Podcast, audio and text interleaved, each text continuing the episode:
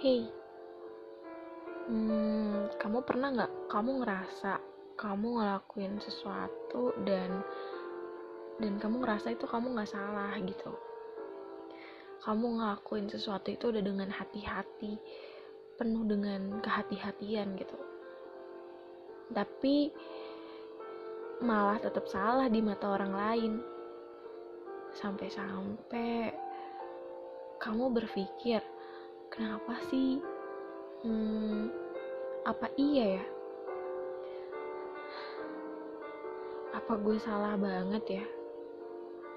Atau sampai kamu ngeblaming diri kamu sendiri? Kalau jawabannya iya dan kamu sempat mikir kayak gitu please jangan lakuin itu lagi ya ke diri kamu. Dan jangan salahin diri kamu atau orang lain. Karena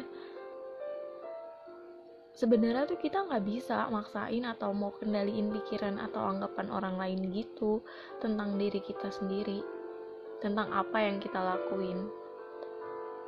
Meskipun kita udah ngelakuin hal sebaik apa pun tetap kita nggak bisa ngendaliin pikiran orang lain untuk tetap berpikir baik tentang diri kita.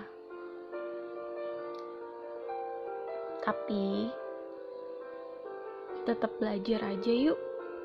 Lakuin aja udah yang menurut kamu itu udah versi terbaiknya diri kamu dalam bersikap ke orang lain. Biar sampai-sampai orang itu mikir hmm kok aku kayak gitu ya sama dia. Dan kita kamu dan aku juga harus belajar nih.